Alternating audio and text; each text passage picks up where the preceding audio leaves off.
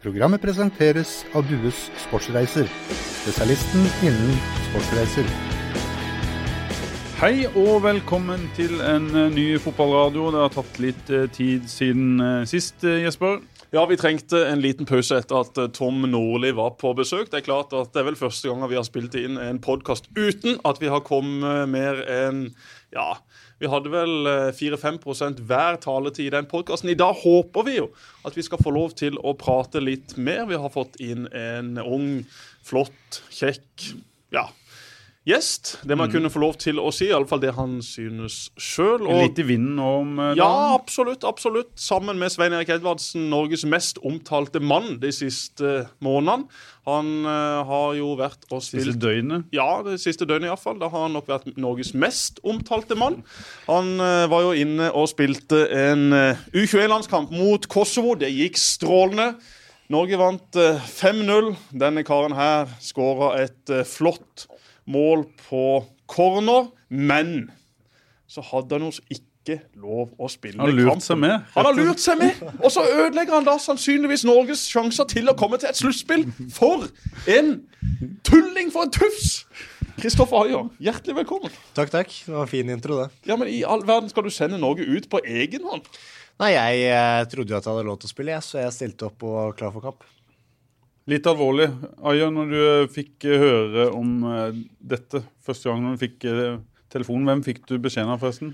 Eh, Smerud ringte meg i går eh, etter frokost og sa at det var eh, en trist beskjed han skulle komme. og Da, da hørte jeg at vi hadde fått den beskjeden fra Uefa. Da. Og jeg forsto med en gang at det var snakk om de to gule jeg fikk mot Spania, som jeg hadde trodde jeg hadde forsikret meg om at ikke hadde noe å si, men det hadde tydeligvis. Hva tenkte du da når du fikk den eh, beskjeden? Nei, Jeg tenkte jo at det var noe dritt, selvfølgelig. Vi hadde prestert fantastisk bra. Gutta hadde hatt en veldig bra treningsuke, anført av en veldig god eh, fotballkamp. Så det, det, var selvfølgelig utrolig kjedelig. Er det, er det sånn at du liksom går kaldt nedover ryggen på deg, og så må du tenke rasjonelt, eller er det bare å bøste det vekk? Nei, det er jo en natur en fyr som eh, børster mye raskt vekk. Men eh, akkurat denne situasjonen her, det var, eh, det var, ikke noe kult å høre det. Jeg tenkte på gutta med en gang, men samtidig så, så visste jeg at dette ikke var noe jeg kunne gjort noe med. Det påpektes mer også veldig tydelig. Dette var en systemfeil, så det, det, det er selvfølgelig surt, men ikke noe jeg kunne gjort. Så er det ikke noe Kristoffer Ajer kunne gjort med den saken. Det er klart at Når NFF har 1200-1300 ansatte, når de har 15 ansatte sikkert bare i en suspensjons- og disiplinær avdeling, så bør det jo være mulig å holde kontroll på hva slags suspensjoner som gjelder på hvilke lag. Altså Det finnes folk som driver dugnad langt ned i divisjonene, som har kontroll på mye flere lag enn de holder styr på i NFF. Så det er jo helt uforståelig at ikke det har gått opp et lys for dem, når i tillegg Kristoffer Ayer har spurt. Én ting er at han spør på den turen eh, etter kampen mot Spania, men også når de kommer hjem og de skal ta ut en tropp, at ingen har fått med seg at ja, han ble utvist. Kanskje vi skulle ha sjekka hva dette her eh, gjelder for noe. Merkelig. Totalt uforståelig. Og selvfølgelig kjempeforstyrrende for Kristoffer og resten av hans lagkamerater på U21. Og ikke minst da Leif Gunnar Smerud, som her får en strålende start på ei eh, gruppe.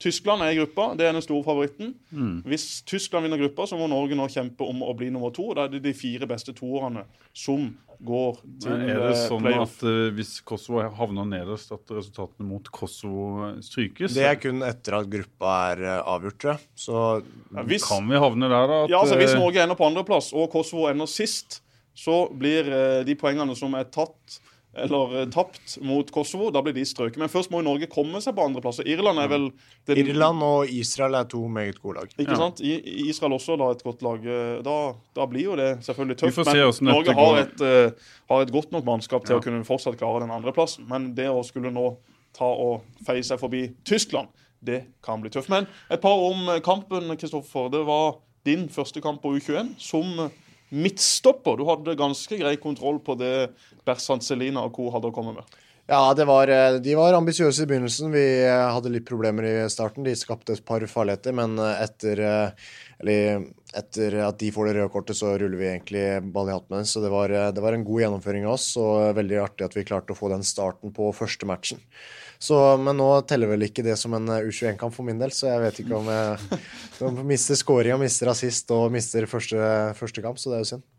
Men det mest, mest, irriterende er jo kanskje at jeg faktisk ikke var suspendert direkte til denne kampen her. Det var flere kamper som gikk imellom, som man kunne vært registrert til hvis det, dette hadde vært oppdaga. Hvis du hadde tatt, tatt, vært tatt ut i A-landslagstroppen til Norge som en 23.-mann, så hadde du da kunnet soda kamp mot Kunne, jeg, tror, jeg tror jeg kunne sona mot Tsjekkia og da spilt mot Kosovo dagen etter. Ja. Så Og U21-landslaget har vel også spilt kamper eh, innimellom her.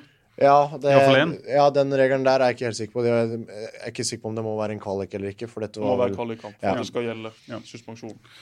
Yes. Og Eh, Grunnen til at det har tatt litt tid, er jo at vi har jo vært opptatt med landskamper. Jeg har vært i Oslo og fulgte A-landslaget. Det ble uavgjort mot Tsjekkia, det ble uavgjort mot uh, Sverige.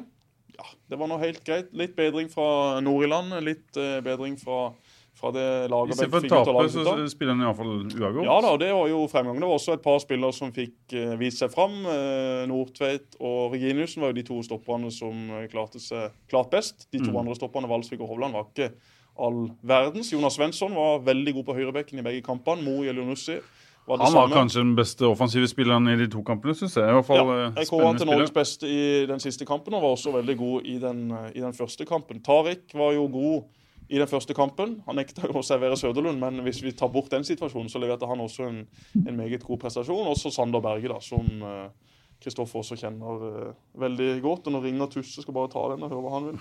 Tønnesen, Jesper? Vi spiller inn fotballradioen med med Kristoffer Ayer som gjest. Kunne vi, kunne vi, kunne vi ringt deg seinere? Holder på å spille inn nå. Ja? Du er på, du er på lufta. Men så hyggelig, da. Eh, jeg fikk aldri rødt kort, for eksempel. Nei. Jo, det gjør det. Men du, du må ringe meg litt senere. Det er viktig, det er positivt. Det er positivt og viktig. OK, greit. Vi snakkes. Ja, det er ikke ofte du sa det, men Det vi skal snakke om i dag, det er jo eh, Vi må ikke snakke for mye om eh, Norge, de som Nei nei på Men jeg skulle si Sander. Berg også var Ja. veldig god. Og det har jo Norge nå en sentral midtbanespiller som dette laget kan bygges rundt. Levert bra for Genk. Og eh, sammen med Kristoffer, sammen med Martin Ødegaard, så er jo dette den nye vinen i norsk fotball. Og vi må også ha et par ord om Martin Ødegaard før vi går videre fra landslaget.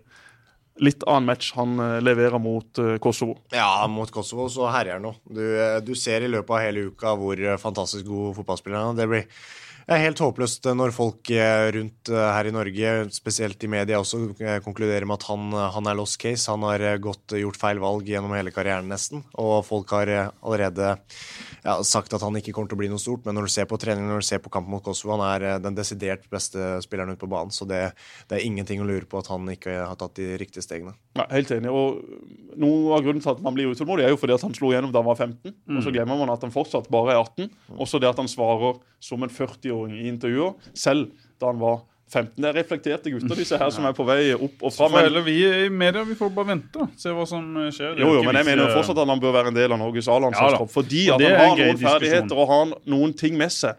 Bare eh, eksempelet med, med 4-0-skåringa deres i Kosovo. Måten han er så flink til å trekke på seg en mann, slipper ballen i perfekt tidspunkt, slik at Morten Thorsby, som kom på utsida av han, som også var meget god i den kampen, bare kan fortsette i full fart. Altså, Det kan du gjøre mot Frankrike, det kan du gjøre mot Brasil, og du kan gjøre det mot Kosovo U21. Ja, nå, nå er ikke jeg noen fotballekspert, men du snakker Ja, om du- om 3 du kommer til å bli 3-0. det. Du snakker om 3-0-mål, du nå. Gjør jeg det? Ja, Reitan dunka inn 4-0 på langsiden. Akkurat. Og 5-0. 5-0, det var eh, min heading. Oi, det var den, burde, den du burde skåre på. Den Kjemperedning av keeper. Skulle satt den i andre kampen. hjørnet. Ja, jeg er enig i det. Du, eh, ja, Martin Ødegaard, det er jo diskusjonen helt til om han har lykkes eller ikke. Det er jo den som er kjedelig. Om han skal spille på A-landslaget eller U21-landslaget, det er jo en sånn eh, pågående diskusjon. Ja, ja. Men vi må jo slutte, så å si. slutte å diskutere Ja, og det var om vel han Lia har som meldte litt etter, etter kampen der med, med du som sa at sånne spillertyper har jo ofte trengt uh, mer tid tidligere i karrieren. Ja, eh, David Silva, Luka Modric, Christian Eriksen. Sånne lette teknikere som er offensive spillere. De trenger gjerne lengre tid på å bygge fysikk og, og tempo til å takle ni- nivået de skal opp på, som er veldig høyt. Nå er han i Real Madrid. Modric spilte i, i Dinamo Zagreb til han var 23. Tok lang tid med Christian Eriksen. Mata, David Silva. De brukte lang tid på å slå gjennom. Så det, jeg tenker at det kan være fornuftig å tenke på, da. Men Helt hva- klart, helt klart. Hva, for, for, hva forventer folk? da? At han skulle gå rett inn på Real Madrid etter et par eh, sesonger der? Han har vært der, hatt en fantastisk treningshverdag, verdens beste klubblag som han har trent med hver eneste dag. Og nå har han dratt til Heerenveen, gjorde det bra på slutten av kampene der, og nå får han en full sesong der. Det er perfekt, det han har gjort. Etter det han viste i Norge så hadde jeg jo forventa at eh, han nei, ikke skulle spille seg inn på Real Madrid, men at han skulle levere mer stabilt for Heerenveen da han kom dit. Jeg hadde trodd han skulle spille seg greit inn på det laget og bli en av deres mest sentrale spillere. Men han har også trengt litt tid på å komme seg men han var god på slutten av sesongen i de tre kampene han starta da. Han var briljant i U21-kampen mot Kosovo. Så Martin Ødegaard, han må vi bare fortsette å gi tid. Og vi må slutte å være så utålmodige. En fantastisk eh, deilig fotballspiller og en veldig flott gutt. Absolutt. Vi må snakke litt om eh, lokalfotball. Vi skal snakke litt om Start, Fløy, Arendal. Vi skal snakke om eh, Celtic, må vi snakke om. Kilmarnock må vi Mye vi skal gjennom i dag. Det er om- veldig mye vi skal gjennom i dag. Hvor skal vi begynne, en, eh, Jesper? Nei, Vi kan begynne med at vi og Kristoffer Ayer skal ut og jogge med Roy Emanuelsen senere i dag. Bare så vi har fått loggført den treningsøkta. Ayer har allerede hatt seg ei økt i dag. Kjørte tolv ganger to minutter på Sparebanken Sør Arena. Yes. Kom inn i garderoben, og den garderoben var halvtom fordi at det var jo masse kø inn mot byen i dag. Og det er jo ikke for oss som bor på Gimlekollen, det er ikke for oss som eh, bor på Lund, som Kristoffers kjæreste gjør, men alle disse som da bor langt hvem vekk i stad. Vikstøl fra Vågsbygd, Lasse vi Sigurdsen fra Flekkerøya. Det er klart at De kommer jo timevis for sent til trening, men det er jo frivillig hvor man bosetter seg i Kristiansand. Man må jo ikke bosette seg på steder hvor det alltid er trafikkork og det er dårlig infrastruktur. Det må bosette der på rett side av byen og på rett side av Varebroa. Det vil si, mellom Varebroa og byen, der er det aldri kø. Ja, men nå, er det jo noen som velger, nå er det noen som velger Johannesdanger rett og slett pga. det estetiske der ute. Så det, det er jo fint, det der. Akkurat, Det er akkurat på, på feil side av ordet, men det går. Ja. Det går. Det går. Kristoffer, du har vel egentlig eh, ferie i, i gåseøyne? Ja, jeg har eh, ferie nå i seks dager til, med tanke på at jeg var eh, på landslagssamling. Så der skulle jeg jo ikke ha vært, men jeg får noen dager ekstra fra Celtic pga. det. Men hva gjør du i ferien treningsmessig? Det er uh, doble økter hver eneste dag. Nå skal det sies at den økta jeg skal med Jesper etterpå, det er oppvarming på den økta jeg skal. Jeg skal ned på styrkerommet etterpå med Jørgen Rostrup. Så det er etasjer som jeg har fått av Rostrup, som jeg har fått noen eh, økter der. Så da, er formen veldig like, da. Men Er det sånn at en fysisk eh, trener i Celtic har gitt deg et program som du skal følge, eller styrer du dette sjøl? Nei, jeg har fått, eh, fått et fysisk program, men det er litt moderert med tanke på den uka jeg hadde med landslaget. De vil at vi skal komme litt energi inn til oppkjøringa, som er veldig kort og veldig tøff, eh, fram mot Champions League-kvaliken. Det er det som er spennende med deg nå. Hva skjer i oppkjøringa? Du vet jo sikkert ikke selv. Nei, det, først og fremst så har de vært veldig veldig positive etter utlånet jeg hadde i Kilmarnock. Det jeg spilte alle kampene der og presterte på et høyt nivå, så de eh, ser eh, veldig mye mer positivt på det enn da jeg kom litt eh, uforberedt eh, til eh, i fjor sommer. Men eh, nå skal jeg kjempe om en eh, plass på laget. Jeg er eh, stille på lik linje med alle andre som jeg kommer eh, dit til. Og da er det bare å prestere, vise seg fram i treningskampene og se hvordan det går. Hvor mange stopper er det i klubben? Nei, nå forsvant to stoppere forrige uke i um, Effie Ambrose og Egon O'Connell. Så nå er det vel um, en uh, fire-fem stoppere. Ja.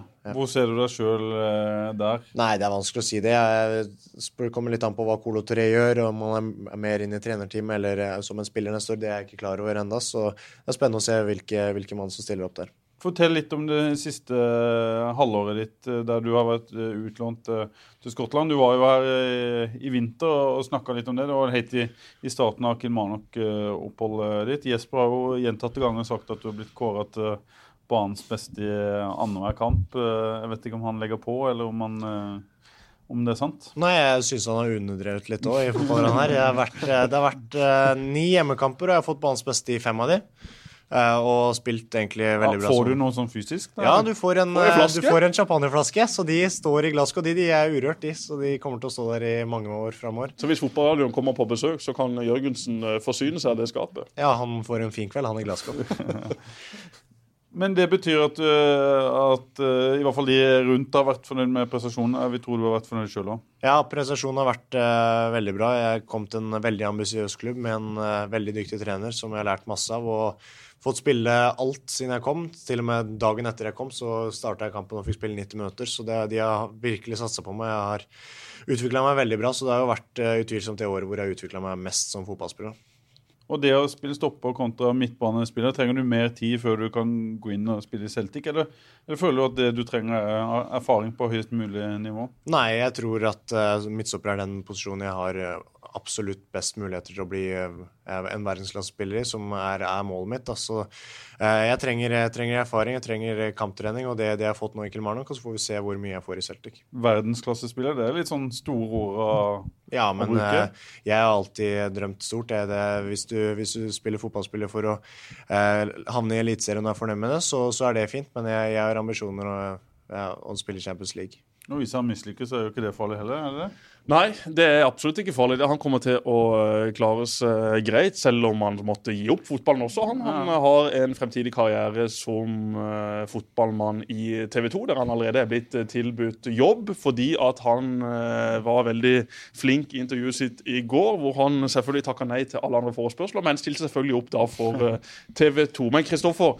sier jo det. Ja, Målsettinga må jo være ja, havne i en klubb da, som kan spille Champions League. Og skulle han havne i en eh, klubb som ikke spiller Champions League, men som også er en god klubb ute i Europa, ja, så vil jo ikke det være noe Men kan det, nedtur, slå, men- kan det slå tilbake på at han bruker Han sier at om Norge U21 vi skal til VM. Han sier om seg sjøl skal bli verdensklassespiller. Skal spille i en stor klubb. Eh, Er fallhøyden stor for Kristoffer? Må han være forsiktig? Nei, jeg syns ikke han skal være forsiktig, fordi at vi trenger flere folk som han i fotballen. Vi trenger flere folk som han også i livet generelt. Folk som tør å satse litt, folk som tør å si at de skal satse litt. Og hvis det skulle mislykkes, ja, men hva så? Det samme var oss. Ja, vi skulle selge enorme mengder frukt, men vi endte jo i skifteruten og en kjempekonkurs. Men vet du hva? Vi hadde det utrolig gøy på veien. Masse lærdom, masse gøy. Og det samme er det jo innen fotballen. Man må ha ei høy målsetting, ja, og så får man jo se hvor det ender etter hvert. men når han legger den målsettinga ut, ja, så legger jo det også føringer for hvordan han skal leve, hvordan han skal trene, når han skal sove, hvordan han skal sove, hva han skal bruke tida si på. Og der er jo han typete. Han er jo ekstremt proff i måten han er på. Ikke bare på banen, men også utenfor banen. Og derfor eh, tror jeg jo han på det når han eh, sier det, også i Norge, eh, med tanke på Norges A-landslag, hvor vi har hatt et stopperproblem i mange, mange år. Der er jo selvfølgelig også Kristoffer en mann som eh, Lars Lagerbäck følger eh, veldig nøye med på, som kan være en del av den norske A-lagstroppen hvis han fortsetter å få spille kamper uke etter uke i Kilmarnock, Rangers, Celtic ja, Nei, ikke. Rangers. Ikke Rangers. Men du, Kristoffer, tenker du eh, gjennom ting du sier at eh, du på en måte ikke Du har ikke lyst til å ha noe, noe filter? Er det, er det mer det, eller er det sånn å legge litt press på seg sjøl og de tinga som, som Jesper gjerne kunne gjøre når han var i Nei, jeg ser For min del ser jeg ikke på det som noe press i det hele tatt. Eh, Jeg snakker uten filter, det er riktig det, men eh, jeg er bare dønn ærlig på det målsettingen jeg har satt meg. Det er tusenvis av fotballspillere som ønsker å bli eh, best i verden, og jeg ønsker å spille på de store arenaene, og det, det er et fair mål å sette seg det, og så får vi se hvor langt det kommer. Den største kampen du har spilt nå, hva er det? Det var eh, Champions League-kvaliken på Celtic Park, hvor jeg kom inn på der siste halvtimen. Det var helt rått, fullsatt og en vanvittig opplevelse. Og så har du spilt oppvisningskamp mot eh, Barcelona også. Ja, spilt, Ikke verst det heller, selv om det bare var en oppvisningskamp. nei, det, det Fikk noen minutter mot uh, Suárez. Ja, Jeg har spilt eh, 45 minutter mot Suárez, og jeg eh, måtte flytte meg da Messi gikk gjennom mediesonen, så eh, det var en opplevelse, det. Du, Hvor langt unna føler du at du er å, å kunne spille i, for Celtic? Jeg vil jo tro at, eh, at det å spille seriekamper for Celtic ville jo fungert veldig fint for deg på det nivået du er nå. Jeg har i hvert fall eh, vist at jeg behersker eh, nivået på ligaen, så det, det er jo veldig positivt. Men det sier seg sjøl, Celtic er en vanvittig stor klubb som bare kommer til å bli større og større. Det er, det er veldig få, i hvert fall her i Norge, som forstår hvor stor klubb Celtic er nå. Men det er, de kommer til å være i Champions League neste år også. Det, det Brennan Rodgers har gjort dette året her, har vært helt uh, eksepsjonelt. Du sier at folk ikke forstår hvor stor eh, Celtic er. Hvordan oppleves eh, hverdagen i, Celtic? Kan du gi noen eh, eksempler? Er det sånn at du sliter med å gå liksom, i byen uten å Nei, forskjellen er, forskjellen er at du blir stoppet av gamle menn, gamle damer. Alle vil ha en bit av det. Alle vil ha bilde, alle vil ha intervju og sånne ting. Journalister kommer bort hvis du er på kjøpesenteret og lurer på hvordan det går med det der. og sånne ting. Så det, det er en helt annen interesse rundt det. Hvis du, hvis du spiller en god kamp, så er det pressekorps overalt. Så det, det, det er en helt annen interesse rundt det. Nå har ikke jeg blitt den store profilen ennå i Celtic, men jeg kan bare se for meg hvordan, hvordan det er for de som har eh, spilt eh, hver eneste kamp der. Hmm. I går var du i Markens. Var det mange som kom bort til deg da? Var det Nei, mye presse? Var det mye autografjegere? Nei, svært få. Noen jenter kom bort, men det, sånn er det jo. Men de måtte du bare vifte vekk, for du gikk med Karoline. Nei, jeg gikk med Karoline. Og du kjøpte bursdagsgave til henne. Hun har bursdag på fredag. Ja, det, dagen. det er, jo, det er eh, dyrt med dame, så vi var innom eh, Fin. Fantastisk eh, fin eh, butikk der, som jeg ble introdusert for i går. Og det, hun var fornøyd når hun gikk ut med en ny pose. hun. Du, Åssen er det livet da, Kristoffer, med en uh, håndballkjæreste i- som har lyst til å slå igjennom på håndballarena, og du i, i Skottland? Hvordan Nei, det, det går egentlig veldig fint. Hun har skrevet en treårskontrakt med Norges beste lag nå, så det er jo vanvittig bra. Og så, så, så er det jo selvfølgelig tøft å bo borte fra hverandre, men eh, vi har uh, veldig like prioriteringer, og vi um, er veldig sikre på hvor vi står med hverandre, så da er det veldig enkelt å kunne satse på drømmen sin. Er det sånn at du sitter i, i Glasgow og følger med når, når Viper spiller kamper? Ja, da er du innom håndballtv.com? Ja, og ser litt på FVN sine liveoppdateringer, så jeg, jeg følger, følger med. Men vi har jo et problem med tanke på Kristoffer Ayers uh, søster. fordi at hun uh, har jo nekta nå å høre på flere episoder av Fotballradioen etter at vi i uh, Jon Arne Rises episode høvla over crossfit. Hun er jo en veldig ivrig crossfit eh, Ikke utøver, for det er jo ikke idrett de driver med, men hun driver i alle fall med Det var ikke Dette- vi som gjorde det, Jesper. Var ikke du? Slang ikke du det på? Nei, det var Ikke det, kun det. altså. Men du spilte jo dette for uh, Karianne, som egentlig jeg kjenner eh, veldig godt, det også, etter å ha gått eh, samme studie som hun. Riktignok ikke samme år, men året etter har hun tilgitt meg. Crossfit grunnfag, var det Crossfit grunnfag. Eh, hun har nå tatt en master i crossfit. En doktorgrad i crossfit, faktisk. Doktorgrad i crossfit doktorgrad. faktisk. Doktorgrad i crossfit. Nei, så hun, Jeg spilte meg foran hele familien, selvfølgelig, for Ja. å liksom understreke hvor, eh, hvor merkelig Jan denne Tore, din far, er. han lo. Ja, han, Han han lo. koser seg. Han er koser alltid på mitt Ja, lag. han er er alltid på mamma, ditt lag. Mamma støtta Karianne litt mer. Randi? Ja, Randi støtta Karianne litt mer. Nei, så, sånn er det som regel. Men uh, måten du harselerte med crossfiten, det likte, det likte ikke Karianne. Men det likte du. Jeg elska det. Veldig fint. veldig fint. Vi kan harselere videre med crossfit i andre Det er ikke noe dere driver med i Celtic? Nei, det, det er det ikke. Vi, det, vi har sjelden sirkeltrening. Åssen trener i Celtic eh, i forhold til hvordan du var vant til å trene i Norge? Du må jo trene mye styrke, for du har jo gått opp 10 kilo. Ja, 20-25 kilo, som det blir skrevet i diverse medier. Ja, men Men, hva, hva veide du før du reiste bort dit? eh, 85. Og nå veier du 96. 95. Ja, 95. Er du nede i 95 nå etter å ha løpt Ja, litt i jeg, fikk jo et uh, program med Jørgen, han så hvor feit jeg hadde blitt, så jeg trengte, trengte å gå ned et par kilo. Men du har åpenbart eh, vært mye i styrkerommet. Det har vel ikke kommet av seg sjøl? Nei, det, det, det er den største forskjellen på å flytte herifra til Skottland. Det er den ekstreme fysiske påkjenninga i ligaen, og da er du nødt til å eh, få litt eh, en totalpakke, og det har vært eh, vanvittig bra opplegg med den fysiske treneren i Celtic, og har eh, gitt meg et veldig bra program. Så det er snakk om eksplosiv styrketrening eh, med, med litt power i overkroppen, så det er fint. Men eh, kan du fortsette med det mens du eh, spiller kamper, eller er sånn at du måtte ta ned det mens du var i, i sesong? Nei, jeg har fått et program som jeg gjør eh, dagen etter kamp og to dager etter kamp, så jeg får eh, vedlikeholdt det. Men det, det jeg ikke får vedlikeholdt, er jo den kondisjonen, for du, du løper jo ikke når du står midtstopper. Så Nei, kom tilbake og skulle løpe noen doggies med, med Jørgen der, og det var jo det dårligste jeg har prestert på noen kondisjonstester. Så. Men er, ikke det, er, er det ikke viktig å liksom ha god balanse i, i styrke kontra eh, utholdenhet? da? Jo, jo, absolutt, men det er det Og eksplos eksplosivitet går vel også utover Jo, kondisjon? Eksplosiviteten er eh, noe jeg har tatt eh, store steg på siste tida. Det, um, jeg målte jo 34 km i timen som topphastighet i siste kampen, og det, det er det beste jeg har målt, så jeg har tatt store steg der også. Men uh, kondisjonsmessig så stilles det litt andre krav som midtstopper, og det, det er noe jeg må prioritere vekk kontra det andre som jeg må ta steg på, så da, da gjør jeg det. ikke det deilig? Høres deilig ut, det da, Jesper? Jo, For meg var det litt motsatt. Jeg var, jeg var såpass uh, tung og uh, sterk eh, fra naturens side at jeg måtte løpe. Jeg måtte løpe mye for å få ned antall kilo. Jeg veide jo 102-103 kilo og løp meg ned i under 198. 99 var jeg vel da jeg var på mitt aller mest trimma. Eh, Kristoffer merka jo det på treninga, hvor han ikke hadde noe som helst sjanse i våre fysiske bataljer. Men han har nok også nå en litt bedre mulighet, selv om nå har jo jeg gått opp enda, enda flere kilo. Men dere er omtrent like høye og har, har dere litt uh, samme kropp, eller er du mer uh, sterk og han mer atletisk? Ja, Han er nok mer atletisk enn uh, det jeg var. Det har jeg nok. Jeg var nok enda tyngre, var nok enda litt annerledes bygd. Jeg hadde jo også en uh, mye bedre pasningsfot, bedre spillerforståelse og alt dette. Men, men det er klart at Kristoffer uh, kan nok nærme seg, nærme seg mye av dette etter hvert. Den største forskjellen var jo at du alltid hadde den et par kilo hevelse rundt knærne. Ja, det var stemmer. det. Jeg hadde, jeg hadde jo tre liter væske, tre liter væske i knærne. Det er det som er forskjellen. Hadde jeg ikke hatt det, så, så hadde jeg nok uh, klart meg ned under 100 kilo. Altså. Men jeg merka veldig stor forskjell på det. At jo mer jeg løp, jo det var, det var det viktigste for meg. Jeg trengte egentlig ikke trene noen annen styrke enn at jeg måtte trene styrke for å holde knærne sånn passe i, i sjakk. Og så er Kristoffer en litt annen Ja, du er nok litt spinklere i utgangspunktet, da, iallfall da, du, da du reiste. Men eh, nå er du jo kommet tilbake og begynner jo å bli ganske biff nå. Så det er klart at for Kristoffer å sitte i Glasgow i juli, juli og ikke være på bystranda Kan du tenke deg for en nedtur? Tenkte han da, med solbriller. Ja da, Karoline hadde sikkert gått med hans side, men han hadde digga det! Stemmer det. stemmer det.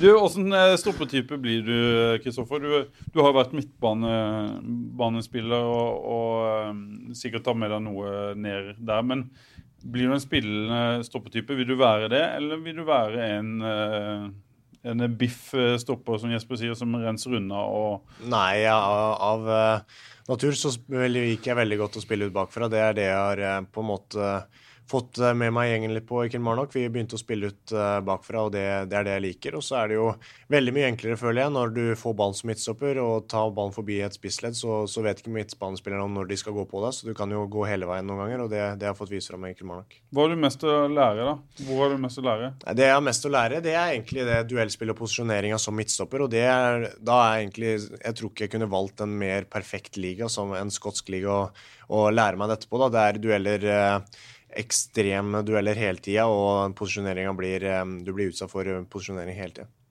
Møtte du Bjørn Mars uh, Johnsen? Nei, vi, vi, møtte Hearts. Holdt selvfølgelig null mot Hearts, uh, men uh, han kom ikke innpå.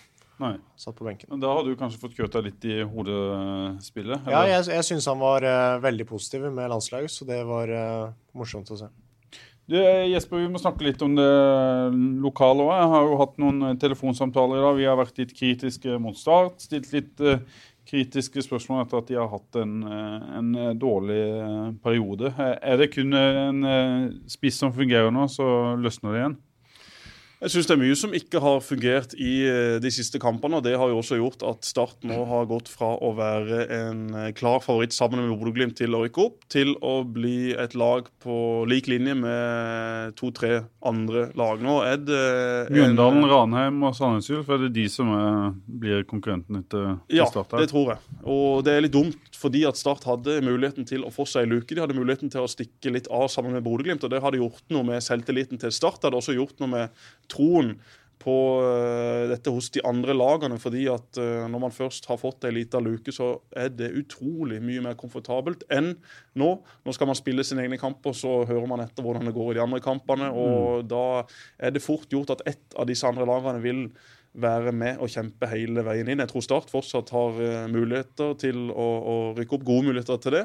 Men nå blir det en langt tøffere vei enn det vi trodde for uh, bare et par uh, uker siden. Det har vært en dårlig periode med, med ja, Vi kan godt si at det mangler en, en, spiss, men jeg syns også det har blitt sluppet inn noen mål som har vært veldig enkle. Sist nå mot Strømmen, hvor det kommer et egentlig ganske ufarlig innlegg. hvor hvor det selvfølgelig skal klares å sorteres ut hvordan man skal få den ballen vekk. Og Når man først da får det målet, så legger strømmen seg lavt. og Så begynner strass, Start å, stresse, så blir det høyere og høyere skuldre. og Så begynner publikum å, å bue og bli utålmodig, og så klarer ikke laget å håndtere det. Og Det er jo litt uh, skummelt, for å, for å si det mildt. Hva skal til for å komme ut av en sånn uh, litt uh, vond spiral, Kristoffer? Nei, Det skumle er jo Det var dette jeg frykta i forhold til Start sin sesong. Jeg visste den selvtilliten Start hadde med seg fra forrige sesong. Den er, den er skjør. De har vært gjennom tunge tider, og det starta veldig bra. Jeg var veldig positiv til dette, og nå er vi inne i en litt, litt dårlig periode, men det det, det, det, skjer i løpet av en sesong. Mm. Lag, gode lag kommer også inn i dårlige perioder. og det er litt tidlig å begynne å sette spørsmålstegn til veldig mye, men uh, selvfølgelig går det et par kamper til uten resultater. Kommer jo mm. opp til Levanger nå og ikke presterer uh, optimalt der, så, så, er det selvfølgelig litt kritisk. Og Det er en ekstremt viktig kamp, fordi at Levanger har vært gode i det siste. De har også nesten meldt seg på i kampen om den andre opprykksplassen. Jeg tror ikke de kommer til å være med hele veien inn, men mm. de har en god fysisk robust elver som ikke er lett å møte der oppe. Magnus Powell vet veldig godt hvordan han vil spille fotball. Det er enkelt, det er veldig direkte, og der kommer Start til å få en tøff utfordring. Hvis Vi så det, disse to lagene mot hverandre på La Manga. det gjorde vi, men da var eh, Levanger svake. Levanger Ja. har utvikla seg veldig Mangla godt vel også den masse spillere. Ja, det var litt, eh, litt mangler i det mannskapet de hadde da. Men hvis Start kommer opp der på den, det, det nye kunstgresset og klarer å holde ballen på bakken og klarer å spille ut Levanger, la de løpe, ja, så har Start selvfølgelig et bedre mannskap. Men hvis det blir en fysisk krig, kjempebatalje, så blir Levanger veldig leie å slå. Men det handler om å komme inn i rytme. det handler om. Eh, En går vel på noen Ja, så, må, så, må noen av spillerne Noen stå, tar- så må noen av spillerne stå fram. Ja. Vi kan godt sitte og snakke om at uh, det er eh, alarmerende hvor lite man har fått ut av det mannskapet osv. Men det største problemet det synes jeg, er at det er for få spillere som faktisk tar opp hansken og sier hei, vi skal rykke opp, vi skal vise at vi faktisk er bedre enn dette nivået vi spiller på nå. Men det ser jo ikke sånn ut i kampene. Det blir for mange som har hodet ned i bakken, som spiller med høye skuldre. Det er ingen der ute som virkelig smekker til, som ikke går foran. Og da blir det veldig vanskelig. Vi kan ikke sitte og vente at Erlend Segberg, Tobias Christensen, Eirik Vikne At det er de som skal gå foran. De syns jeg har levert mer enn man skal kunne forvente. Og de kommer til å levere bra hele sesongen også, for de har en litt annen tilnærming til det enn de som har vært med lenger. Men det er klart at når det slippes inn enkle mål, og så begynner man å stå i pressesonen, sånn som Simon Larsen gjorde ved et eh, tilfelle mot Håkon Oppdal, og sier at ja, det var Håkon Oppdals feil. Ja, du kan godt si det inne i garderoben, men du sier jo ikke det utad. Da begynner plutselig harmonien i laget å slå sprekker, og det er veldig skummelt. Kristoffer, hvor godt følger du med? Jeg har fulgt eh, med på alle kampene til start, bortsett fra denne mot Strømmen. Jeg følger aldri med på Strømmen som Lillestrøm-gutt, så, så er Strømmen det verste man kunne tape mot. Så det å tape 1-0 der, det, det var Det selvfølgelig ikke artig. for deg. Ja, det svei, det svei voldsomt, det. Så det, det var ikke artig. Og jeg vet eh, hva de møter opp i Levanger nå. Jeg har hatt Magnus Powell eh, tre år på juniorlaget i Lillestrøm og vet at han kommer ikke til å vise Start noe respekt i det hele tatt. Så det kommer til å være en vanvittig tøff batalje. Programmet blir sponset av byens Skoda-forhandler G-bil.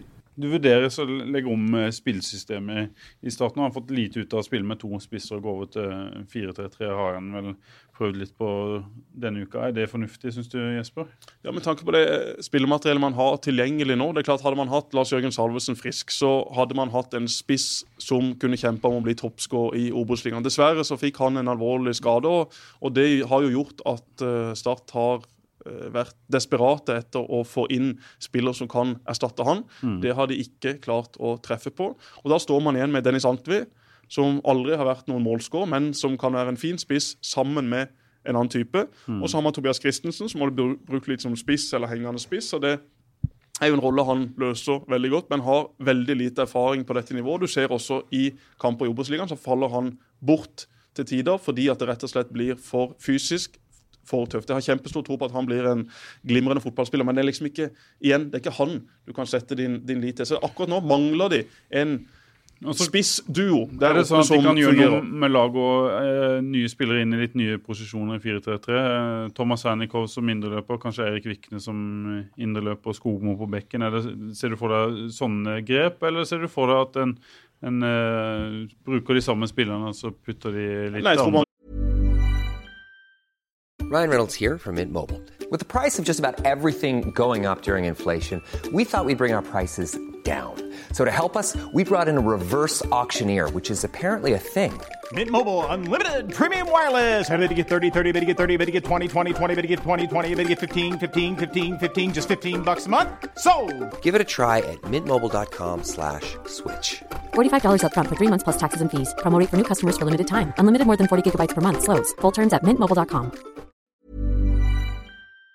Man bruker stort sett de samme spillerne. Jens Kristian Skogmo har ikke vært i nærheten av det nivået han viste før han ble henta til start. Han eh, ser i alle fall ut til å spille med kjempehøye skuldre. Thomas Ernikov har heller ikke vært i nærheten etter at han kom Har vi sett veldig god på trening denne uka, sies det eh, fra de som har vært her, og fra, fra folk som har sett han. Det er iallfall veldig gledelig. En spiller som, Ja. som viste seg godt fram i Vindbart. Men det er klart, det er også én ting å være god på trening. Det finnes veldig mange tirsdags- og onsdagsspillere Mm. der ute. Men når søndagen kommer, når kampen skal spilles, ja, så faller de sammen. Da blir det mer alvor. Og han da har, ikke, han har spilt høyrekant på Start 2. Jeg har sett mye Start 2-kamper der han ikke levert eh, spesielt godt. Da, da er en posisjon altså, han ikke Start har det mannskapet de har. Det er de spillerne som Steinar har valgt i Mm. de siste kampene. Det er ikke sånn at noen av de som ikke har spilt, kommer inn og frelser det laget. Det er de 11, 12, 13, 14 som er Steinars mest betrodde menn, som også Men må hvem gjøre skal det spille videre. spiss i 4-3? Ja, det er jo det største problemet. Start mangler vel nå den target-spissen, med tanke på at Salvesen er ute med skade.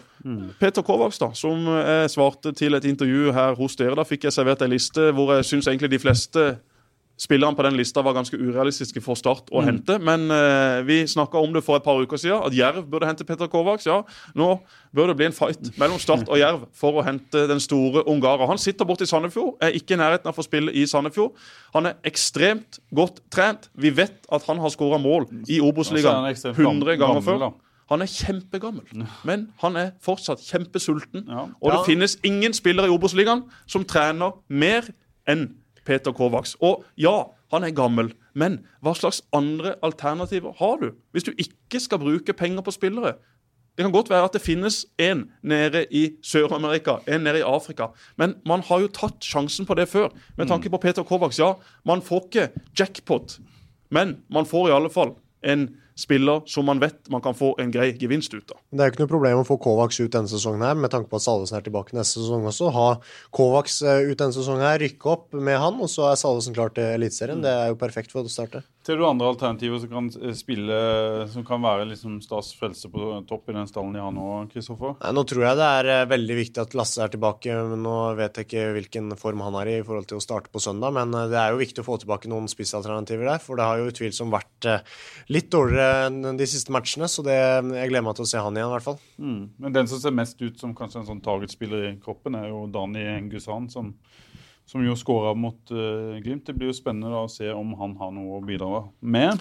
Ja, det blir jo det. Eh, både han og, Rio Cocker eh, kom jo hit som litt overraskende signeringer. Ingen av de har jo levert eh, noen ting skadet. som helst. Ja da, han ene ble skada, men det er klart det er jo noen grunn til at han også blir skada. Det vet jeg alt om. Da er det jo rett og slett ikke i god nok fysisk form. og Det kan, det kan ha vært en tilfeldighet også, men det er Mm. klart at det er en spiller som ikke har spilt mye kamper de siste årene. Og da er det også lettere å bli skada. Hvis jeg skulle løpt ut på Sparebanken Sør Arena nå og spilt en kamp, ja, så hadde sannsynligvis jeg også blitt enda mer skada enn det jeg var fra før. Og Rio Coker var jo også ute i avisa her og meldte at han ikke hadde noe kommunikasjon med Steinar. Han syntes det var merkelig at ikke han fikk sjansen. Eh, det kan eh, godt være at de kan ha noe kommunikasjon med, med Steinar eller noen andre. Det vet jeg null og niks om. Men jeg har jo sett han spille for Start 2. Det er jo en, trening altså det er jo en spiller som ikke hadde holdt følge med meg og Roy Emanuelsen i Egersberg. En utrent, gammel Premier League-profil. Altså, jeg, jeg har også sett noen intervaller filma han eh, etter eh, bortekampen mot Florø. Altså, det var jo som å se et pinnsvin løpe etter en Men gjeng med geparder. har han kommet inn og ikke helt visst hva han har, har gått til? Og har han for store tanker om seg sjøl? Sånn han, han har jo hele tida sagt at han er i, eh, god nok eh, form.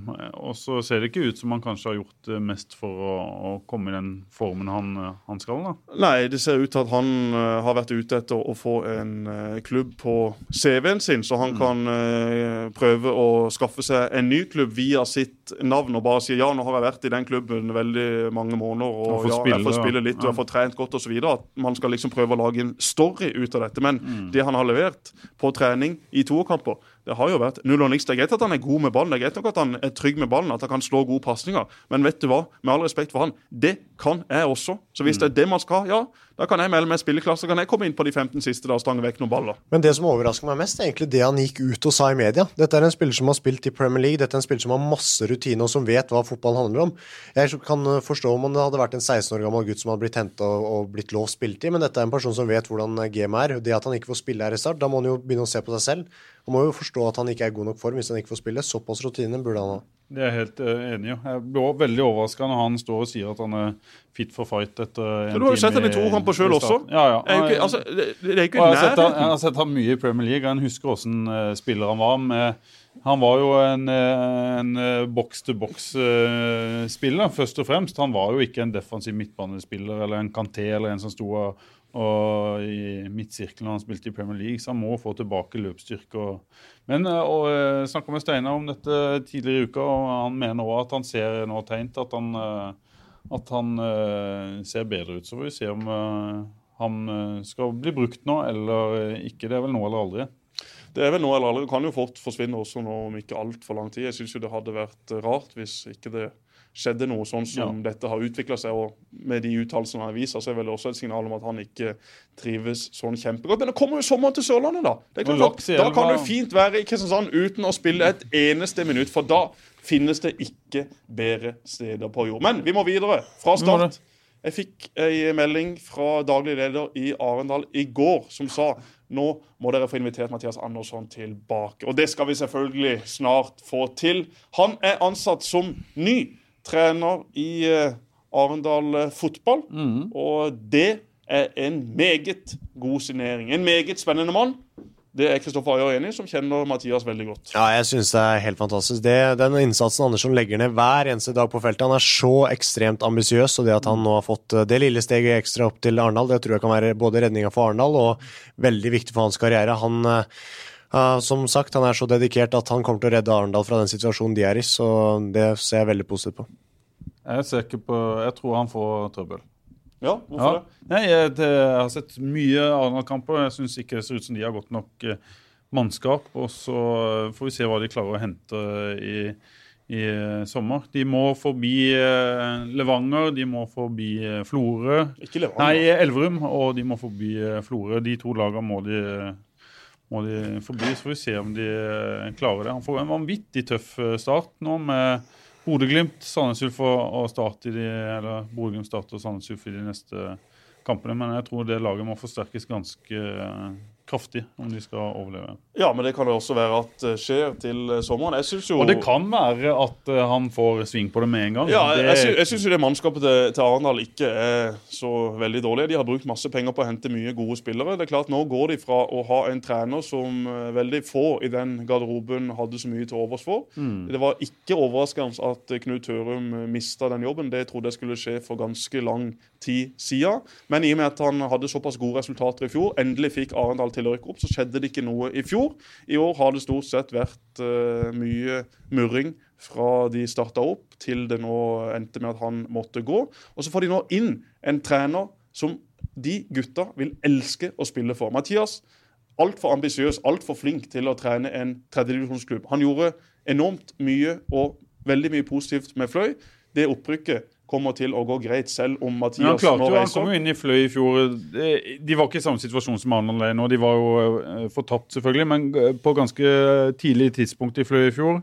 Og, og klarte jo ikke å endre Nei, men det mannskapet Fløy hadde i fjor, det var sjanseløst. altså. Ja. Det var sjanseløst. Det var, holdt på å si, I forhold til de lagene de var i liga med, så var det et mye dårligere lag enn det han overtar nå i Arendal. Arendal har masse gode spillere. De, Mm. de, de har, de har eh, henta inn dyre, gode spillere fra Danmark. De har ja, hatt spennende offensive spillere, men jeg mener de, de sliter bakover på banen, særlig på, på midtbanen, med altfor trege midtbanespillere. Og et eh, rufsete stopperpar, i tillegg Bekker, som er veldig mye bedre. Klart Når, når Jan Sigurd. Otterlei og Arendal fjerner Knut Hørum ja, og henter Mathias Andersson, så har de selvfølgelig også eh, fått opplyst fra Mathias ja, jeg kan gjerne komme, men nå skal jeg se gjennom kampene, og så skal jeg få lov til å hente én eller to eller tre spillere. Det har han garantert fått lovnad om, og det kommer til å skje i dette sommervinduet. Og Hvis de får henta inn da f.eks. en mann på midtmann som kan heve den lagdelen, så syns jeg jo det de har bak Masse rutine, mye gode spillere med litt forskjellige ferdigheter. Det de har foran Ja, jeg skulle gjerne sett at de hadde hatt en enda bedre spiss. Det snakker vi også om før sesongen. Det kan jo komme det òg. Og Fabian Næss er vel kanskje en, en mer en uh, Mathias Andersson-spiss enn en, enn en eh, kantspiller i 4-3-3, han òg. Ja, og vi lover å få Mathias eh, på besøk her så fort det lar seg gjøre. En eh, mann som eh, kommer til å bli en meget god trener. Og helt enig med Kristoffer, det at han nå tar dette steget fra tredjedivisjon rett opp i Obos-ligaen. Det kommer ny stadion. De har masse penger på bok, hvis de først eh, Ikke på bok, men det finnes folk rundt Arendal som har enormt med penger på bok. Hvis de først bestemmer seg nå Ja, vi gjør en såpass stor endring faktisk med å fjerne Knut, som har vært i mye gode klubber, som sånn sett har en fin CV hvis du ser på de klubbene han har vært i, Ja. og henter inn da Mathias, ja, så er det et signal om at her kommer det til å skje mer de neste ukene. Og Mathias Andersson er ikke en person som rykker ned to år på rad. Det kan garantere. Fortell litt om Mathias, da. Du som eh, kjenner han. eh, Hva er hans eh, styrker? Nei, det, det jeg tror som er det viktigste for Arendal nå, jeg har sett noen kamper av de, og det, det er det at eh, Andersson er så utrolig flink til å um, få spillerne til å jobbe for han. Han, eh, han går ned på et eh, slikt nivå at han, han setter seg ikke foran laget. Han, han elsker å være innad i gruppa, han elsker å tulle i garderoben, han elsker å være med i gjengen, og så er han ekstremt seriøs når det skal avgjøres, og så er han så så, um, ja, så vill i disse situasjonene at alt, tre poeng betyr alt for han. Og det, det tror jeg han kommer til å få med seg den gjengen på. Og så er det en hovedtrener. I start var han assistenttrener en liten periode sammen med Bård Borgersen. men det gikk ikke. Du så egentlig at eh, Mathias gikk der og var veldig utilpass med sin rolle. Han er hovedtrener. Han er Sørlandets svar på Pep Guardiola. Så dette kommer til å bli gøy. Og hvis han får det til, så ligger det jo kanskje nye muligheter der. Nå skal vi jo ikke avskilte noen, verken Steinar Pedersen eller Arne Sandstø eller hvem det måtte, måtte være. Men det kan jo eh, fort være større, større oppgaver som venter hvis han lykkes i Arendal. Ja, Han er jo en veldig ambisiøs trener som har i likhet med Kristoffer har satt seg veldig høye mål. og Han har fått en pangstart eh, på sin karriere, selv om det var i tredjedivisjon. Mm. Det han viste i Fløy En ting at de vinner kamper, men det jeg er mest imponert over, er måten han trekker til seg spillere på. Ja. Vi snakka om det da han også var her på besøk. Dette er en trener som spillere vil spille for. Og det skal Helt enig. Du ikke kan si at det er ikke rart han ikke leder serien med den bredden han har i troppen. Ja, men han får i- sammen alene. Ja, og han har, det er han som har Og det er ikke har noe sånn at Fløy har brukt eh, masse penger på å hente disse men, spillerne. Men klarer han å dra nytte av det når han eh, kommer opp på det nivået han er nå? Er det sånn at han har kontakter i Grenland? Det finnes eh, gode spillere kanskje på benken i, Odd som kan komme inn og, Det er nok og gjøre en vanskeligere, det eh, er noe vanskeligere i Arendal enn det det er i en klubb som Fløy. Men, men det er klart, når du har Mathias Anderssons evner til å overtale, i tillegg så har du Jan Sigurd Otterleis lommebok, Mm. da er det nok fullt mulig å stable sammen et rykter om en brasiliansk spiss i Arendal. og Ah, Bruno Rato! Bruno Rato skal tilbake, dere tre millionersmannen! En del av pakka Vi til i, vi møtte jo han i sommer, da det var eh, OL i eh, Rio. Var ikke det jo i fjor eh, sommer? Bruno Rato, han er ikke Han er ikke matchfit. Han er ikke Han er litt for glad i smågodt. Det Ja. husker vi jo da han bodde her også. Det tøyt jo smågutt ut av det ene hjørneskapet etter det andre. Ikke smågutt. Nei, sa jeg smågutt? Det gjorde det heldigvis ikke. Eh, Det er atskillig bedre med smågodt enn smågutter i skapet. Men jeg fikk også en melding fra Bala Garba her i forgårs. Det var en advarsel om et virus han drev og sendte rundt. Ja. Ja, og han ville bare advare meg mot dette. Du må ikke akseptere noen linker som kommer fra meg på engelsk. Så sa jeg, Bala, vet du hva? Det hadde aldri vært noen fare for at det jeg skulle ha gjort. Som Kristoffer Hestad her eh, for eh, Var det i går? Nei, i forgårs. Han har fått melding av Balla Garba. Hadde han også fått melding? Første gang på eh, mange Ja, virusmelding eller sånn hyggelig Ja, hyggelig jeg melding? tror han kanskje hadde fått viruset. Akkurat, ja. Jeg. Hadde, hadde Doffen akseptert? Nei, det vet jeg ikke. Du må aldri akseptere linker på engelsk fra Bala Garba. Såpass kan jeg si. Ja. Men Doffen har vi ennå som gjest, har vi det? Nei, han har takka nei. Vi må få Ikke takka nei, det har bare ikke passa. Ja. Ja, ja. Det er ingen som takker få- nei til oss. Nei, det er vi som takker nei til de, Ja, eventuelt. sånn er det. Det er akkurat uh, sånn uh, det er. Du, eh, Fløy, da? Ja, Fløy jeg er vel snakk om å dytte opp deres assistent fra Ungarn. Nikola Trajkovic, er det han heter? Trajkovic, det kan godt være et kult navn. i alle fall. Ja. Høres ut som en internasjonal og fin trener, det. De har jo et mannskap som gjør at de kommer til å rykke opp uh, uansett. Uh, at Mathias nå, nå reiser, det gjør selvfølgelig at uh, Fløy mister hans egenskaper. Samtidig tror jeg det gjør noe med spillerne i Fløy. Jeg tror det gjør noe med resten av de som er igjen i Fløy. Det er klart at nå måtte Arendal kjøpe fri Mathias Andersson for ca. 150 000 kroner fra hans kontrakt. Eh, og det er jo sånn sett en, eh, en fin pris det for en, for en såpass flink trener. Det hadde han også i kontrakten sin. At, at kunne, Han kunne vel gå gratis midt i juli, og så kjøpte de han fri nå for å få han så, såpass eh, tidlig.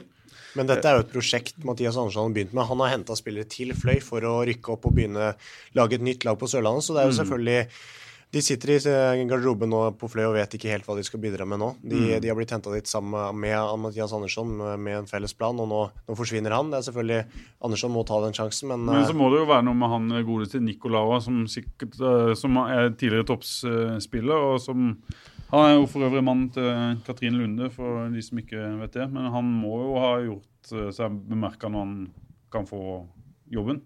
Ja, selvfølgelig. Det, nå kjenner ikke jeg så veldig mye til han, men Nei, Jeg har heller ikke så godt, god kjennskap inn i ungarsk Nå får jo han fotball. mulighet, da. Kanskje vi kunne hatt ham som gjest. Han og Soltangera og eh, Kirali. Det hadde vært en fin trio. Ja, Skjold Korsmaier, ja. Han var jo en, eh, en eh, grei midtstopper i Brann og spilte vel også litt sentral midtbane der. Uten å Han har snakke mer om han. spilt eh, sammen med Slatko Tripic i Grøyta. Oh, ja, OK. okay. ok, akkurat. Og de to var jo da og spilte Slatko romjulsturnering. Tripic straffa jeg på i går i byen. Han, Ja eh, han Ikke på et går- utested, håper jeg? Nei, ikke på et utested, Nei, nei. det kan jo ikke gå. Det kan ikke gå. I Markens gate. Han var eh, på utkikk etter klubb, så det Slatko må vi ha på besøk. Han må vi ha på besøk. Hvorfor har vi ikke tatt kontakt med han? Jo, han har vi spurt, han òg. Eh, men han eh, ble nekta adgang Adgang, hvem da? ja, i resepsjonen her ute. Nei, Ja, det skjønner jeg godt. det skjønner jeg godt. Det var jo rett etter Nei, den incidenten i Tyskland. Vi må ha Slatko. Vi skal ha Slatko på besøk. Men som eh, Kristoffer sier, bare for å avslutte Fløy, da, det er klart at i år kommer dette til å gå greit. De kommer til å rykke opp. Men prosjektet som han starta i Fløy, blir jo ikke det samme uten han som faktisk Hvis leder de og var ikke finner en eh, ny uh, Det kan de finne. type. Det kan de finne. Det kan de finne. Det er fullt mulig. Fløy er en attraktiv klubb, og med den spillerstallen de har nå, så er det selvfølgelig en uh, takknemlig oppgave å ta over. Kanskje skjer det noe litt lenger opp i dalen her også, som kan få positive følger for, for Fløy. Hvis ikke Vinbjart, prosjekt Vinbjart, som har vart eh, lenge, det kan jo fort eh, stoppe det va? Ja, det, styrken i det krydderet blir mindre og mindre der oppe i Vennesla. Mm. Og det har vel ikke vært eh, noe som helst å juble for, sett bort fra deres siste kamp, som de faktisk klarte å vinne borte mot Fana. Så har jo Steinar Skeie hele tida sagt at uh, helt fra han starta i vinter at uh, vi trenger tid på å sette dette laget, nye spillere, men vi kommer til å bli bedre og bedre utover i sesongen når vi, vi får inn eh, krydderfotballen. eh, Kristoffer Ayer. Man rykker ikke opp fra andrevisjon med den krydderfotballen. Det, det, det er i hvert fall min mening. Du spiller på det altfor mange brudd bak der i banen. og Jeg har hørt eh, noen podkaster at han snakker om at midtstopperen må bli bedre med ball og litt sånn forskjellig, men det, det skjer ikke over natta, det. Nei. Nei, Det er jo ikke, det er ikke riktig arena å trene på det i kamp, tenker jeg. Det er jo mulig å bli bedre med ball utenom eh, da du skal kjempe om eh, poeng. Jeg tror eh, fortsatt at Vindberg klarer å holde plassen. De har et uh, godt nok mannskap til det. Og Steinar Skeie er vi jo store fan av her i Fotballradioen, så han, Han eh, komme skal få lov til å være like ambisiøs som han alltid har vært. Ja. Det applauderer vi. Ja, ja. Det er en annen eh, type trener enn veldig mange andre. Hvem uh, har vært din beste trener? Det, det er vanskelige vanskelig spørsmål, men jeg må jo si bare på det halvåret hvor jeg har vært i Celtic med Brennan Rogers, så har han vært eh, helt eksepsjonell. Du, du um, Hva er det som imponerer mest med han? Nei, det er den taktiske biten og det hvor flink han er med alle spillerne i troppen. Han uh, er utrolig god én til én og gir eh, veldig gode tilbakemeldinger, så han er Har du hørt fra han mens du har vært i Kinnan? Ja, jeg hadde var innom eh, Celtic um, et par uker før sesongen var over og hadde et møte med han og hadde et møte med fysisk trener og alt sånn, for å se hvordan statusen var. og de var, uh, Så det er det de er veldig flinke på. Jeg gikk gjennom video da gjennom alle kampene med de for å se hva som var bra, hva jeg kan gjøre bedre og forbedre, og det, det er det som gjør at eh, han er på øverst på den lista. Og du føler at han har troa på deg? Det er ikke på en måte noe han eh, sier? Og så... Nei, de, klubben har vært eh, veldig veldig positiv etter uh, utlånet jeg har hatt nå i Kilmarnock. Hva med Kolo Abib hvis han blir trener? Da må jo det være din beste trener. Ja, Colo, Colo er klasse. Han, du finner ikke en bedre mann enn det, så han er, han er høyt oppe. Tenk for en karriere den mannen har hatt. Altså sitter Kristoffer Ayer i garderoben i Celtic sammen med Kolo Abib Toré, som var et eh, monster for Arsenal, som er bror til Yaya Toré. Altså, det er jo levende legender du sitter med. Kolo er jo Han har jo noe Twitter-konto eller eh, et eller annet. Han hadde jo en er pressekonferanse for ikke så lenge siden nå. Hvor, Hvor han sa eh, at uh, favorittsangen hans var Whitney Houston. det, det, ja, han er fin på det. Men, men, Ja. Kolo, men Kolo hadde, det, finnes noen Twitter-profiler. Jeg tror ikke det er Kolo sine egne, men det er vel noen parodier på Kolo. Men det er det er eventyrlig å følge.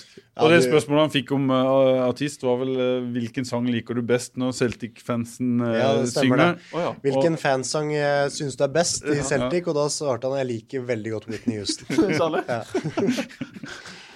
Eh, fantastisk. Men Kristoffer, eh, utlån. Er det, tror du det blir aktuelt igjen nå?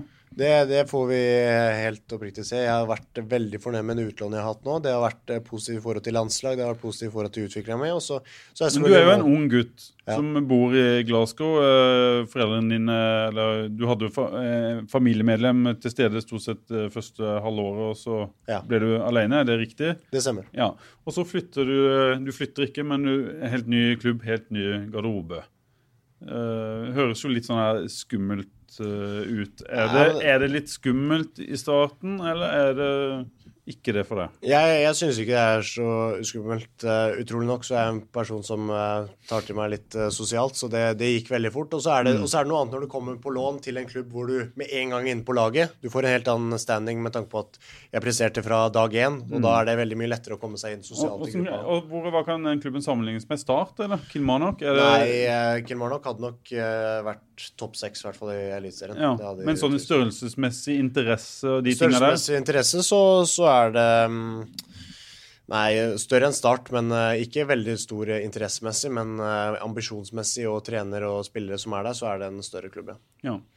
Og så, uh, så, skal du jo tilbake dit du er nå og, og kjempe. Hva, hva er planen?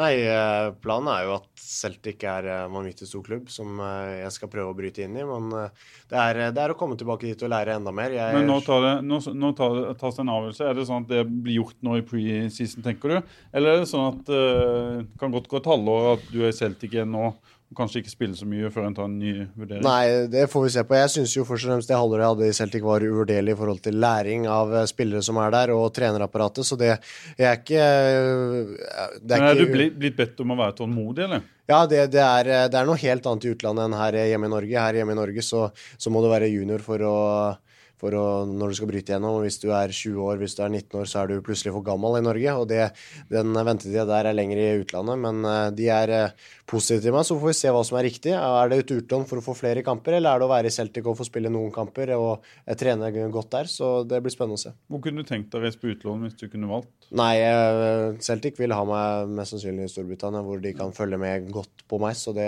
det er jeg enig i. Championship i England, hadde det vært uh... Ja, nå skal, nå skal jeg ikke tenke så mye på det enda, men uh, Men det var aktuelt i fjor? Det var aktuelt, det var klubber der også, men der er jeg veldig fornøyd med valget jeg tok. Det å komme til Kilmarnock og få den spiltida, det var jeg veldig fornøyd med. Og I tillegg skal du bo i den leiligheten du ja, bodde i, og du hadde tett oppfølging fra Celtic i nabolaget? Bodde i samme leilighet og reise kort til Celtic for å få hjelp derfra også, mm. det var nydelig. Men ville et nytt utlån til Kimanok vært på en måte en nedtur eller litt på stedet hvil for deg, eller? Nei, jeg vil ikke se på det som en eh, nedtur nå, men ambisjonene mine nå er å komme til Celtic og bidra der. Men eh, jeg er veldig fornøyd med Kilmarnock, og um, ja, jeg respekterer den klubben veldig mye. Hva tenker du, Jesper, om det som skjer nå de neste månedene for Kristoffer? En spennende, en spennende tid. Er det tilfeldigheter som kommer til å avgjøre om han om han eh, får spille mye for Celtic allerede i år?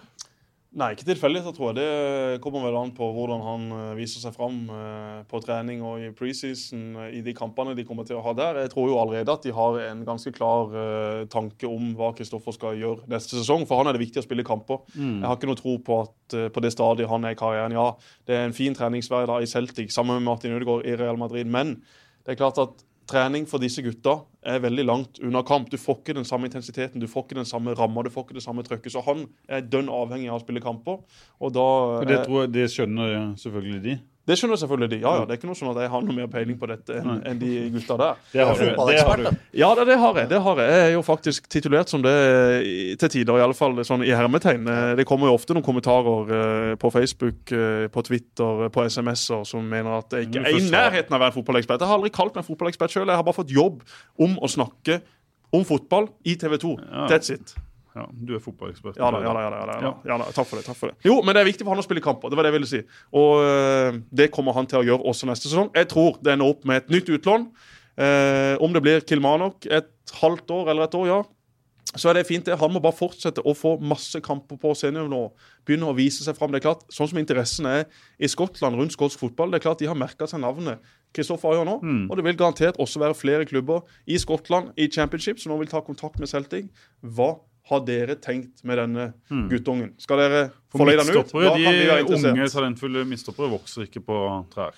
Nei, det gjør de absolutt ikke. Og også som midtstopper så trenger man normalt sett enda mer tid enn man trenger som en kantspiller, mm. som en back, som en spiss. For det er klart, eh, i en såpass fysisk liga så trenger du kilo, du trenger erfaring. og det det første har han iallfall klart. Så må du jo tenke på at jeg har 13 kamper som midtstopper i min karriere, så jeg kommer til å lære masse hver eneste kamp jeg spiller, i posisjonering og alt mulig. Jeg kjenner fortsatt at jeg undres noen ganger når f.eks. kanten av ballen, hvor skal jeg posisjonere, hvor skal jeg stå? Det, det lærer jeg hver eneste kamp. Ja, det husker bare jeg eh, fra, fra, min tid som midtstopper, som ble kasta inn der eh, etter at skadene hadde trukket meg lenger og lenger og lenger ned på banen. Mm. Det var enorm forskjell fra de 30 første kampene til de 30 siste. Da var du ekstremt mye mer komfortabel, og ting som du gjorde i begynnelsen, var utenkelige å gjøre etter hvert. Så det er klart, erfaring på den plassen, det er alt for meg. Og derfor igjen er det ekstremt viktig å få så mye kamper under beltet som mulig.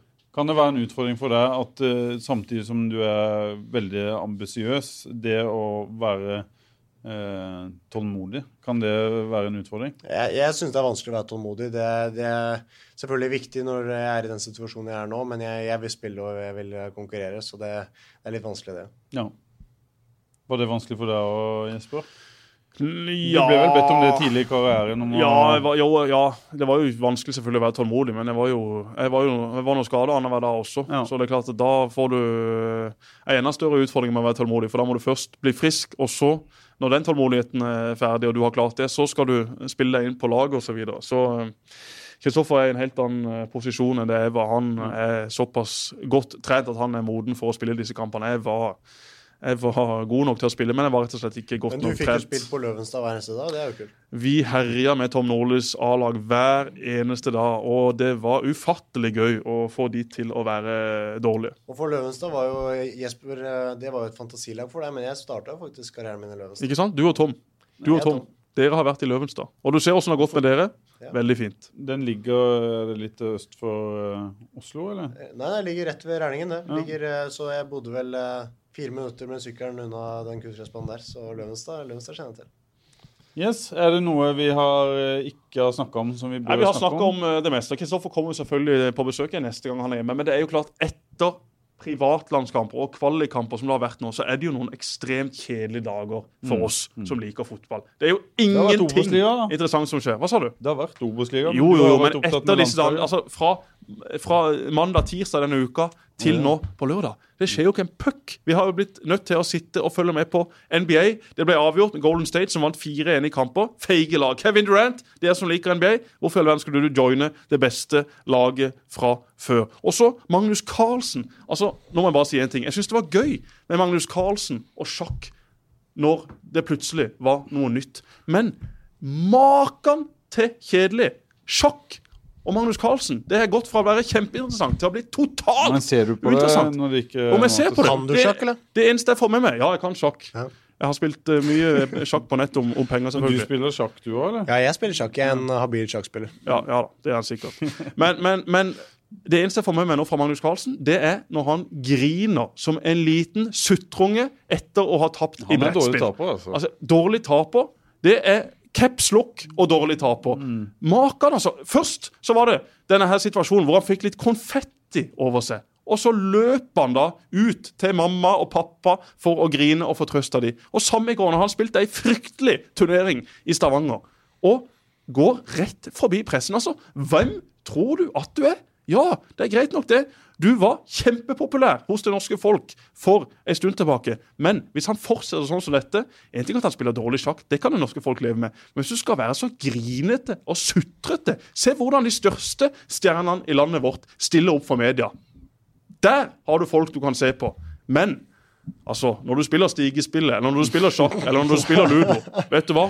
Da må du faktisk oppføre deg på en litt bedre måte enn dette. Sånn er det. Celtic Ace. Det er det det står om der nå, Kristoffer. Jeg var inne og leste i stad om eh, denne saken med U21-landslaget. Celtic Ace kaller de det. Ja, de, de er jo gode på overskrifter i Ja. Skottland. så Celtic det- Ace Ja. i forbindelse med U21 eh, Det står jo masse om eh, Jeg var inne og gjorde et søk på Kristoffer Ayer i stad. Det står jo masse om denne U21-kampen og eh, at han ikke skulle spilt da i noen utenlandske ja, ja. medier. At. Og der blir han omkall, omtalt da som et S. Bare vent til de sakene nå som kommer i skotske aviser om en to-tre måneders tid, når de finner ut av at Kristoffer Ayer har nå en feit, stor luksusvilla i Kosovo. Som de har levert til han etter at han klarte å snike seg inn på det laget i den kampen. Tenk da! Kosovo, som har et kjempebegrensa lag, som nettopp har starta opp dette U21-laget, så får de altså en 3-0-seier borte mot Norge i Drammen. Kruttsterkt fra Bersant Selina og hans kompanjonger. Så vi lar det være siste ord, Jesper. Jeg er skuffa over Kristoffer at han klarte å få Norge til å tape den kampen. Men ellers så syns jeg han leverte en eh, meget bra episode. Vi vet jo ikke resultatet ennå, da, men uh... Vi vet jo det. Det blir jo tap. Hvis ikke det blir tap, så skal jeg sykle til Kosovo. Sykle til Kosovo. Vi har den på tape. Ja, den har vi på tape. Og uh, jeg sier som uh, vi gjorde i Fotballekstra etter at Kristoffer var på besøk. Dette var årets beste gjest. Veldig bra. Kristoffer, du er hjertelig velkommen igjen eh, neste gang eh, du er her, eller vi tilfeldigvis er i Glasgow. Ja, og en siste ting, Vi skal arrangere Sponsorenes mester for Start i dag. Så nå skal vi snart opp på Sparebanken Sør Arena og være Dag Erik Pedersen. Det blir da meg. Kristoffer Ayer han skal være da min eh, sidekick, min kompanjong. Vi har lagt opp til et par eh, enkle, gøye øvelser. Vi kan nevne et par av de. Det blir gambling med fyrstikker. Det blir selvfølgelig et øyråd litt sånn mot slutten av konkurransen, hvor sponsorene da skal stemme ut hverandre. Da har de i tillegg sikkert fått litt godt i glasset. Da blir det muligens slåsskamper. Det blir i alle fall noen høylytte diskusjoner. Jeg husker vi arrangerte dette for spillerne. Og da var det sånn at eh, jeg plasserte alle spillerne på benken, og så skulle de begynne å stemme ut hverandre. Fem afrikanere de satt oppe i hjørnet. De lagde en koalisjon.